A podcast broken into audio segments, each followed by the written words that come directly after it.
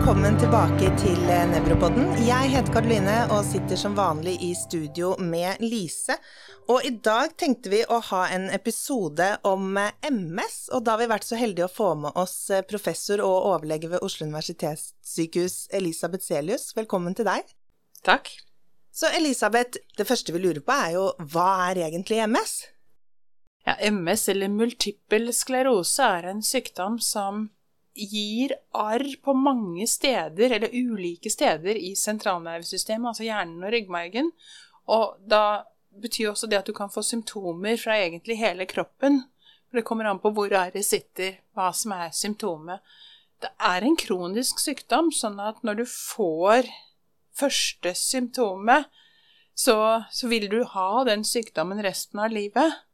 Og tidligere ga den jo et betydelig handikap. I dag tenker vi at vi forhåpentligvis kan bremse og kanskje til og med stoppe sykdommen, og at man kan leve veldig godt med den. Man får kanskje et bedre utfall av å få denne sykdommen i dag enn du gjorde for veldig mange år siden. Ja, og det er veldig viktig at den kunnskapen mange har om hvordan MS kunne være, kanskje fra sin oppvekst, fra studietid etc., det er noe helt annet i dag. Hvorfor får man MS? Vet man noe om det? Ja, det er et godt spørsmål. vi vet faktisk ikke, men vi, vi, det er en autoimmun sykdom. Det er man etter hvert veldig sikre på. Mm. Eh, så har man funnet en del gener, litt over 200, som er med å disponere for sykdommen. Men dette er gener som er vanlige blant oss. Så vi er oppe i liksom 40 000 pasienter og 60 000 kontroller for å kunne finne dette. Det er altså helt marginal effekt av gener. Arv betyr ikke noe sånn. Eh, vi tror også at i tillegg til det en disposisjon, da, eh, så er det et eller annet i miljøet vårt. Kanskje det er en infeksjon tidligere i, li tidlig i livet. Kanskje det er at vi får infeksjoner for seint. Mm. At vi tar våre nyfødte, putter de i glasskasser, vasker hendene, utsetter de ikke for noe før de jeg er et år og vi dumper de i barnehagen. Um, at det bidrar til at immunsystemet overreagerer mot enkelte ting seinere. Og at det kan være med på årsaken til flere autoimmune sykdommer. Dette det... vet vi ikke. Og så tenker vi at oppå dette med genene mulig infeksjon, noe i miljøet som vi ikke riktig vet, så er det en stor porsjon uflaks. Er det noen steder i verden hvor eh, det er flere som får det enn andre? Ja, vi er jo ganske uheldige, for vi er på verdenstoppen. Vi er Skandinavia er området i verden kanskje med høyest forekomst. Det fins enkelte bitte små steder med litt mer rundt om, men Skandinavia er på topp. Og det har jo vært teorier langt tilbake om at vikingene spredte genene, og det er årsaken til at man har det i Sør-Europa også. Jeg vet jo ikke riktig om vi skal skylde på dem, men eh, det er en sykdom som er hyppigst i hvit nordeuropeisk befolkning og blant deres etterkommere, f.eks. i USA. Eh, det er mye mindre i mange i asiatiske land, i afrikanske land, men vi ser samtidig at hvis de flytter til oss, så får de mer MS. Og i Japan, hvor de har hatt lite, har de nå en klart økende forekomst uten innblanding fra europeere. Ja. Mm. Så kanskje det er noe i deres miljø som er mer vestlig, og som er ugunstig for dem. Du nevnte at man kan ha forskjellige ulike symptomer, men er det noen som er vanligere enn andre? Ja, altså synsnervebetennelse er jo en ca. en femtedel har det som sitt første symptom. Så det er et relativt vanlig symptom. Så det er føleforstyrrelser, prikkinger, stikkinger, armer, bein, kuldefølelse, varmefølelse Også lammelser eller klønethet, klossethet. Ikke helt uvanlig. Men man kan ha mye og blære tarmproblemer blir ofte ikke erkjent som et symptom på MS før etter at man har fått diagnosen. Så kan noen si at jo, men problemet med vannlating har jeg jo hatt i mange år. Jeg må løpe fra nå toalettet, det har jeg måttet i flere år. Men, er det ofte noe som starter eh, tidlig? i sykdomsforløpet Ja, og en del har det nok, som sagt, kanskje som første symptom, men oh, ja. da tenker man jo ikke MS. Nei. Så mm, det er eh, relativt vanlige symptomer. Hvilke typiske symptomer er det de eh, ofte kommer til lege første gang med? Mange symptomer, også sånn som fatigue, trøtthet, utmattethet, det Går du til lege og tar opp det, så får du jo høre at nei, slapp av litt og ta deg sammen, så går det nok over. Og ja, du, du har tre barn og ja, full jobb og sånt, hvem er ikke sliten? Mm. Det forteller mange pasienter at de har hørt. Så det bringer dem sjelden til oss. Eh, Men mister du synet på et øye, eller får dårligere syn på et øye, ser du dobbelt, får du lammelser, så havner du fort Kommer de ofte eh, fort hit? til utredning. Og så finner man ut at du har hatt plager tidligere. Mm. Det er ikke uvanlig. Hvordan er eh, forløpet når de først kommer hit? Så hva, hva er det vi gjør av utredning? Nei, først er jo en ordentlig anamnese for å finne ut hva slags symptomer har du nå, og har du hatt noe tidligere? Og få frem akkurat disse tingene som kanskje ikke er erkjent som MS. Eh, og så er det jo å finne ut om dette er diagnosen. Eh, for man kan ut fra sykehistorien få en mistanke, men det er jo en del tilstander som minner om, Mm. og som skal utelukkes. Så det å utrede med en ordentlig nevrologisk undersøkelse, faktisk finne at det er utfall som passer, at man gjør en MR, at man ser at dette er forandringer som kan passe med MS, og ikke noe som kan være andre ting, og spinalvæskeundersøkelse, at vi ser etter typiske forandringer som oligoklonale bånd i spinalvæsken. Ved den kliniske undersøkelsen, er det noen spesielle funn som, eh, er som gir oss ekstra mistanke om at det er MS? Nei, men du skal ha sikre nevrologiske funn. Og det er litt utfordring eh, når det gjelder diagnostikken, at man har kanskje lett for å si at jeg har hatt det og det symptomet, og så har vi noen prikker på MR, og så er det MS. Og så er det kanskje aldri dokumentert at det faktisk var funn ved undersøkelse, og det er avgjørende for å fylle diagnosekriteriene. Tenker du da på altså, at man finner dårligere kraft, f.eks., eller finner nedsatt uh, sensibilitet i en arm, eller Refleksasymmetrier, Mm. nystagmus, kanskje manglende abdominalreflekser. Det er ikke uvanlig. Inversjon, da, selvfølgelig. Hvis vi går eh, kanskje litt dypere inn på disse diagnostiske kriteriene, så har vi jo McDonald's-kriteriene. Kan, kan du ta oss eh, gjennom de? Ja, det vesentlige med de er jo at du skal ha klare holdepunkter for at det har skjedd noe på ulike steder i sentralnervesystemet og til ulik tid. Så du skal ha typiske symptomer. Du skal ha funn ved undersøkelse. Og så kan du i dag med de nyeste kriteriene bruke MR som et bevis på disseminasjon i tid og sted, faktisk. Hvis du på MR finner funn eller lesjoner som er eldre enn aktuelt, og som sitter på helt andre steder enn det du nå har symptomer, så kan du bruke MR også til å støtte en diagnose. Da behøver du ikke vente på et nytt attakk. Men det er veldig viktig at det skal være funn som ikke er det aktuelle symptomet. Og aktuelle funnene du har ved klinisk undersøkelse, og som er typisk.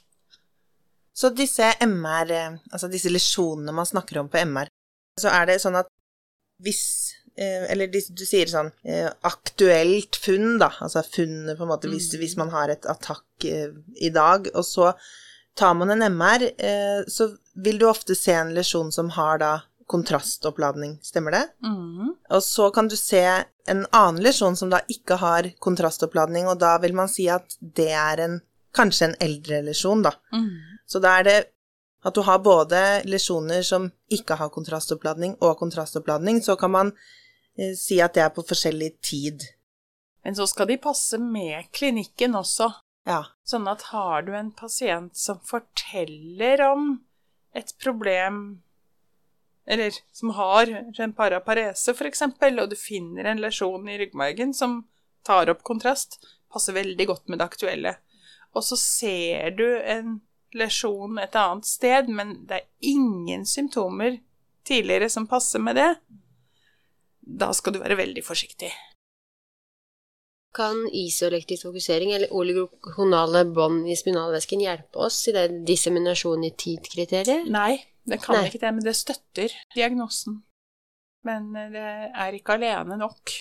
Og når man, tar, eh, når man tar MR ved denne utredningen, så skal du ha med eh, både kaput og hele medulla? Det kommer litt an på, fordi at hvis du har en kaput med og en, en syk, klassisk sykehistorie men kanskje en tidligere episode, du har funn ved klinisk undersøkelse fra flere steder, så trenger du strengt tatt ikke MR engang for å stille diagnosen. Eh, men du bruker det for å utelukke andre ting. Eh, og det er klart, hvis man da har funn ved MR som passer, intracerebralt, så trenger du ikke medulla. Er det noe annet disse kriteriene sier som vi ikke har eh, fått med oss nå? Det som er veldig viktig, er at kriteriene er laget i vestlig hvit befolkning med typiske symptomer. Så de er ikke validert for annen befolkning, og heller ikke for eldre personer. Hva, hva vil det si? Altså eldre personer, hvor, eh, hvor går den grensen? Den begynner ca. ved 50. Ok. Synd å si det. Men eh, personer over 50, så skal man være ekstra obs. Og vi ser nå at den økende forekomsten av MS tilskrives i veldig stor grad økende diagnostikk av personer 50 pluss. Og mange studier, det er en amerikansk studie, på et MS-senter pasienter vurdert og behandlet der for antatt MS. Når man da gikk grundig gjennom, så fant man 20 feildiagnoser. Mm. Så sier vi i Europa at nei, vi er nok bedre, for vi spinalpunkterer. Mm. Men eh, mange sier at vi er kanskje på vei dit. Og spesielt med den store andelen eldre som vi diagnostiserer der, er vi ikke nok obs på alternativer. Og Som vi- en annen diagnose, en differensialdiagnose. Mm. Noen av MS-pasientene får jo attakkvis forverring, men ikke alle. Kan du si litt om de ulike formene? Tradisjonelt så har man jo delt inn i og sagt at en 85% begynner med attakker, og en 10-15 er jevnt progredierende. Med mer og mer bruk av MR så krymper jo den gruppen med progressiv MS. Og sikkert noe også med hvor mange ganger du spør pasienten, så dukker det opp episoder, og så finner man ut at de har hatt attakker. Og man har prøvd i alle år å finne ut om det er noe spesielt ved de attakkvise som skiller de fra de progressive, uten å klare å finne noe. Så i dag går det mer og mer i retning av at dette er to sider av samme sak. De som har en progressiv utvikling, de har sannsynligvis bare mindre kliniske attakker. Subkliniske. Og vi ser jo, jo mer MR vi gjør hos progressive, jo oftere finner vi også kontrastladende lesjoner som tegn på inflammasjon. Så det er egentlig et spørsmål om Hvis du ikke ser etter det, finner du det ikke, men begynner du å se etter det, så finner du det. Og da viskes den forskjellen mellom attakkvis og primærprogressiv veldig bort. Så vi er egentlig litt på vei vekk fra det. Ofte så får jo ikke pasienter med progressiv MS immunmodulerende behandling. Betyr det at, man, på en måte det her, at man må være litt ekstra obs, at de kanskje har indikasjon for behandling allikevel? Vi tenker det. Og man har jo tradisjonelt sagt at nei, de har ikke nytte av behandling. Når det gjelder behandling, så ser vi at alle studiene viser at vi har mest nytte av de medikamentene vi har tidlig hos yngre pasienter. Og jo lengre du har sykdom, jo lengre du har hatt den, jo mindre effekt har du. Men likevel så ser man noe effekt. Og vi ser også nå Det er helt i i starten, men litt nye MR-teknikker som prøver å få frem litt mer sånn diffus inflammasjon. Mer sånn ja, smoldering lesions snakker man om, eh, men diffus, litt inflammasjon. Ikke sånn at det gir en kontrastopptak og lyser opp, men hvor du da med disse spesialteknikkene ser at her er det faktisk aktivitet. Rundt lesjoner, lesjoner vokser. Eh, årsak til en gradvis forverring. Og da er utfordringen at de medikamentene vi har hatt til nå, i veldig liten grad kommer over i sentralnervesystemet. De virker i periferien, og sånn sett indirekte. Og de kommer seg kanskje over en blod-hjerne-barriere hvor du har en aktiv inflammasjon. En skikkelig lesjon, så kommer de inn. Men der hvor du har mer enn lukket blod-hjerne-barriere og en sånn snikende betennelse på innsiden, så kommer ikke dagens medikamenter til.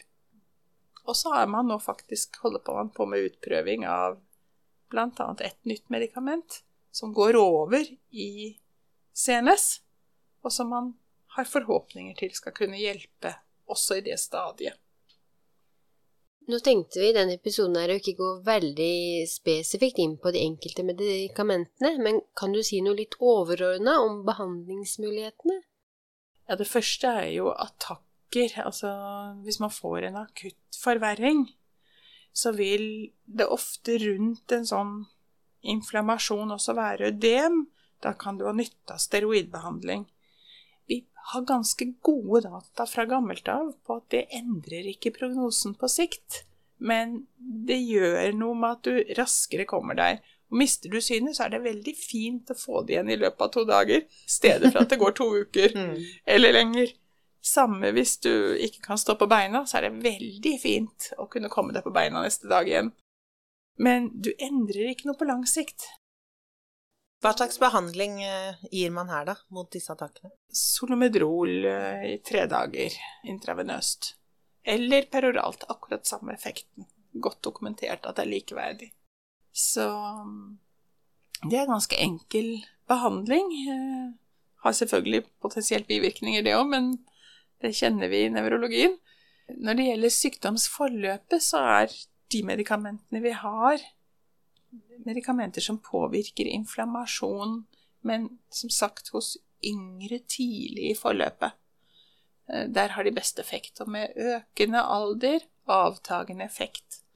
Og det diskuteres veldig at denne grensen nok går kanskje et sted i slutten av 40-årene når man skal starte behandling hos en MS-pasient, er graden av symptomtrykk eller funn ved diagnosetidspunktet avgjørende for hva slags behandling de får? Det har vært det. Og man har jo valgt å begynne ofte med si, de mindre effektive, potensielt også mindre alvorlige bivirkninger, altså heller øke hvis det skjer noe. Men vi ser at hvis vi gjør det, så får pasientene mye mer handikap på sikt. Så hvis vi begynner med de effektive tidlig, så har pasienten det mye bedre på sikt. Det er helt klart en forskjell. Og det viser vi studier her, det vises i studier ja, flere steder. Sånn at uh, tidlig effektiv behandling er det som hindrer varig handikap. Og det sier seg egentlig selv. Begynner du med noe som er sånn halvveis effektivt, og så får pasienten en nytt attakk, så har de potensielt sekvele etter det attakket resten av livet. Eller om de får noen nye lesjoner.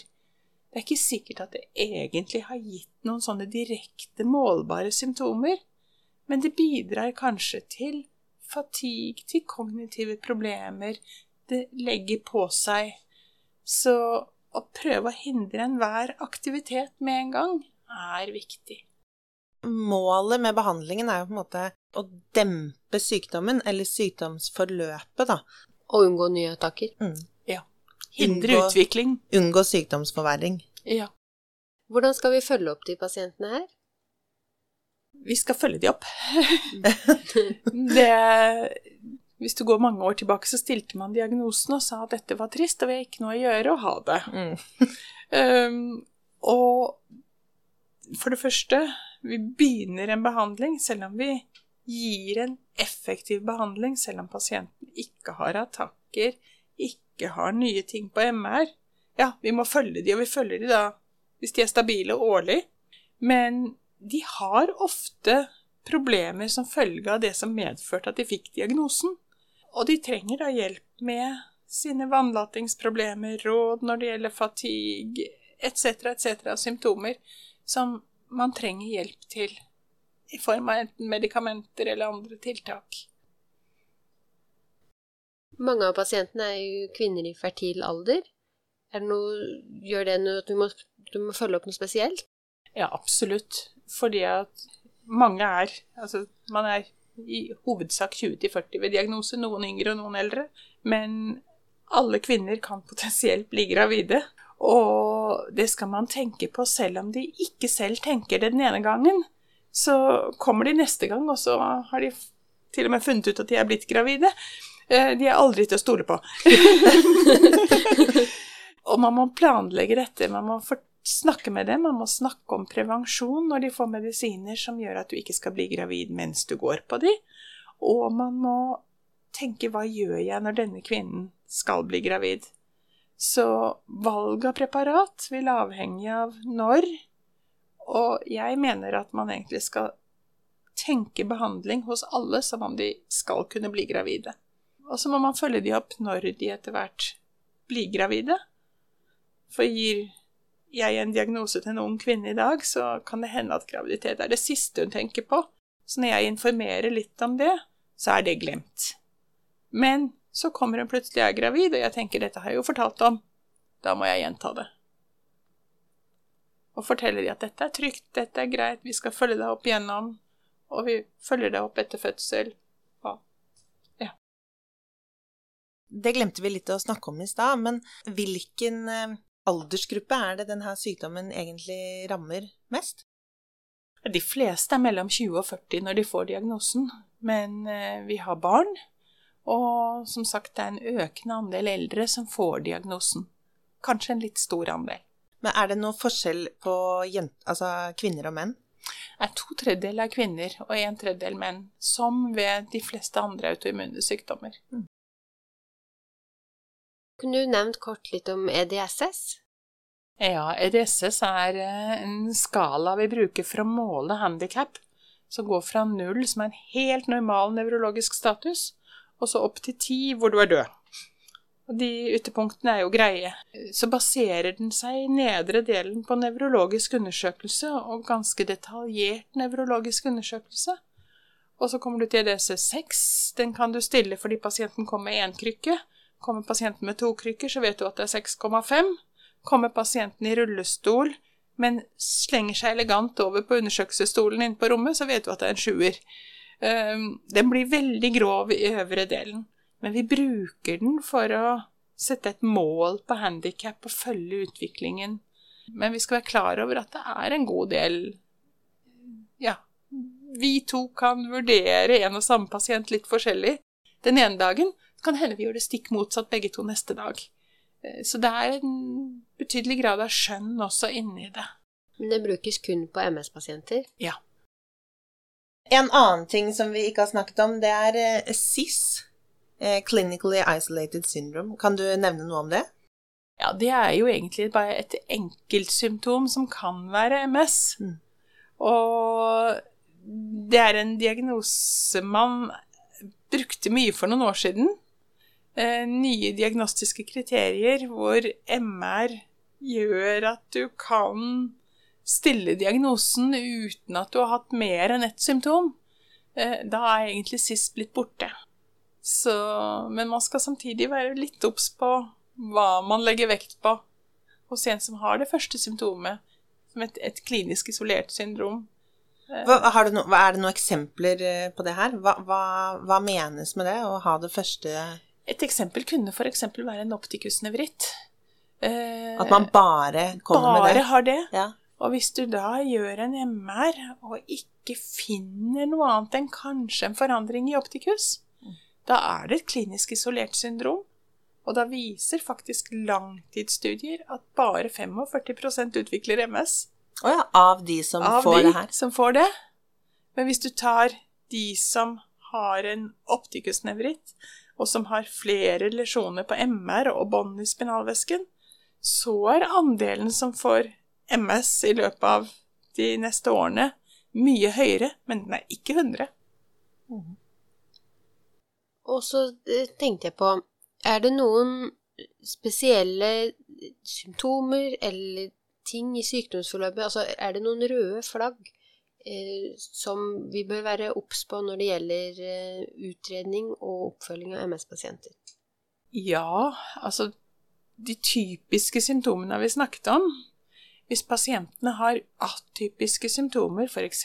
kommer med tremor eller eh, krampeanfall eh, eh, Myoklonier? Ja, så skal man tenke dette passer ikke helt, her er det noe rart. Eh, feberepisoder, for eksempel. Det er rart, det stemmer ikke. Da, det er røde flagg, da skal man tenke dette kan være noe annet. Tusen takk, eh, Elisabeth. Jeg syns eh, vi har gått gjennom ganske mye, i hvert fall av en første MS-episode her. Så vi sier tusen hjertelig takk for at du kom til oss i dag. Takk for at jeg fikk komme.